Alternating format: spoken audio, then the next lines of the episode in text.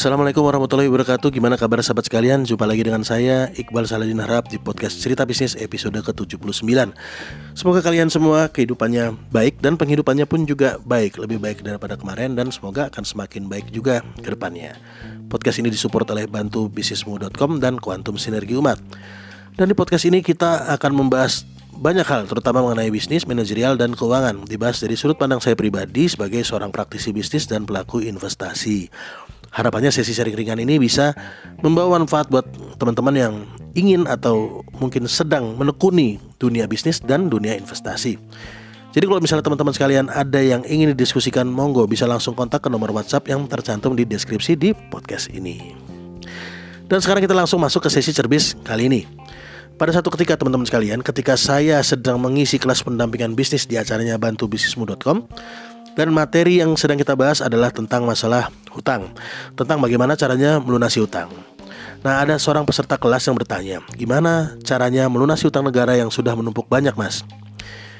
Nah, ini sebetulnya adalah pertanyaan yang menarik ya, karena inti dari melunasi utang, baik itu utangnya besar maupun utangnya kecil, sebenarnya adalah kalau saya bagi jadi tiga poin. Yang pertama adalah stop berhutang atau boleh berhutang, asal untuk sesuatu yang keuntungannya bisa lebih besar daripada bunga yang dibayarkan.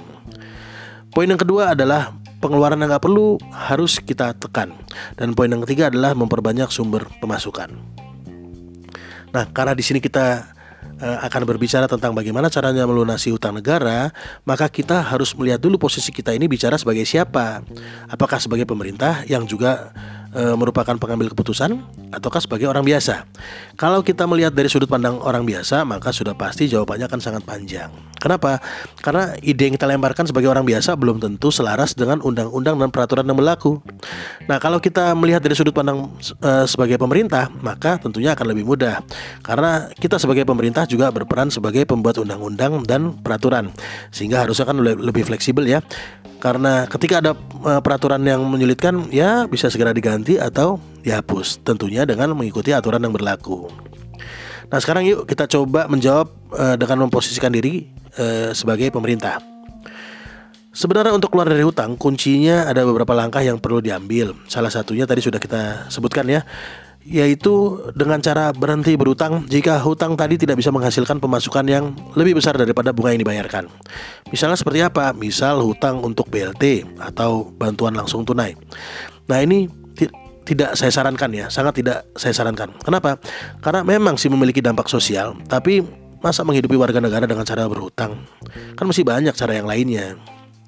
Lalu kita uh, yang kedua adalah fokus untuk membayar utang yang paling memberatkan. Uh, jadi misalnya bunganya paling besar, waktunya paling lama gitu lah. Nah itu harus kita segera selesaikan dulu. Lalu kita perlu menekan pengeluaran yang nggak perlu dan sangat memberatkan. Misalnya seperti apa? Misal uh, pegawai negara ya. Contohnya kita ambil adalah pegawai negara. Misal gaji pegawai negara terlalu besar dan jumlah pegawai negara terlalu banyak.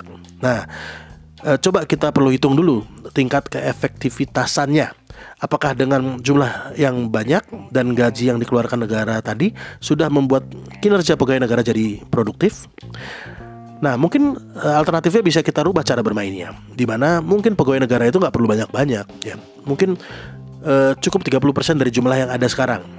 Nah sisanya kita bisa pakai outsource atau bisa kita angkat anak magang di mana mereka kita bekali dengan pendidikan dan pengetahuan dan ketika sudah tahu sudah mereka sudah tahu caranya misalnya sudah mengabdi selama tiga tahun ya dan mereka sudah jadi ahli maka kita sebagai negara bisa menyalurkan tenaga magang tadi ke perusahaan yang terdaftar di pemerintahan.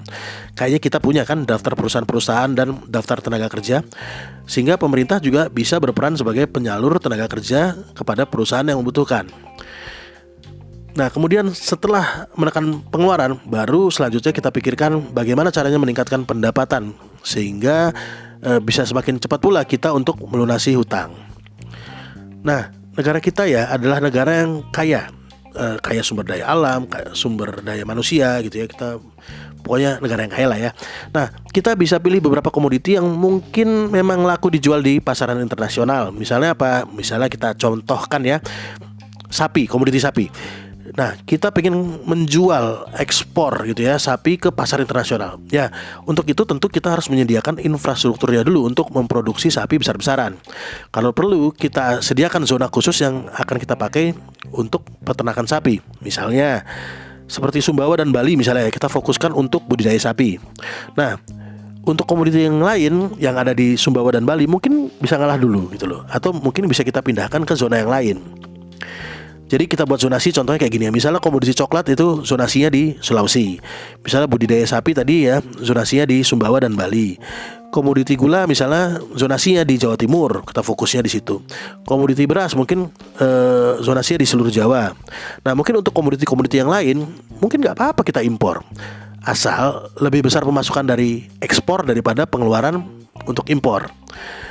Ya Mungkin itu ya yang bisa kita lakukan agar kita bisa meningkatkan pendapatan dari sektor non pajak. Karena prinsipnya ya membayar hutang yang terbaik adalah dengan cara menambah pemasukan dan menekan pengeluaran, bukan dengan cara menjual aset yang sudah kita miliki. By the way ini adalah pendapat saya pribadi ya dan tentunya tanpa mempertimbangkan unsur politik sama sekali. Sekali lagi saya bukan ahli politik jadi mohon maaf kalau misalnya ada ucapan yang mungkin keliru dan nggak cocok gitu ya uh, karena saya cuma mencoba menjawab pertanyaan yang diajukan kepada saya dari pengetahuan umum saya sebagai seorang entrepreneur. Jadi mungkin uh, demikian cerita bisnis episode kali ini. Semoga bermanfaat buat teman-teman pendengar, terutama buat saya pribadi sebagai pengingat diri. Dan saya cabut dulu, sampai jumpa di episode cerbis berikutnya. Assalamualaikum warahmatullahi wabarakatuh.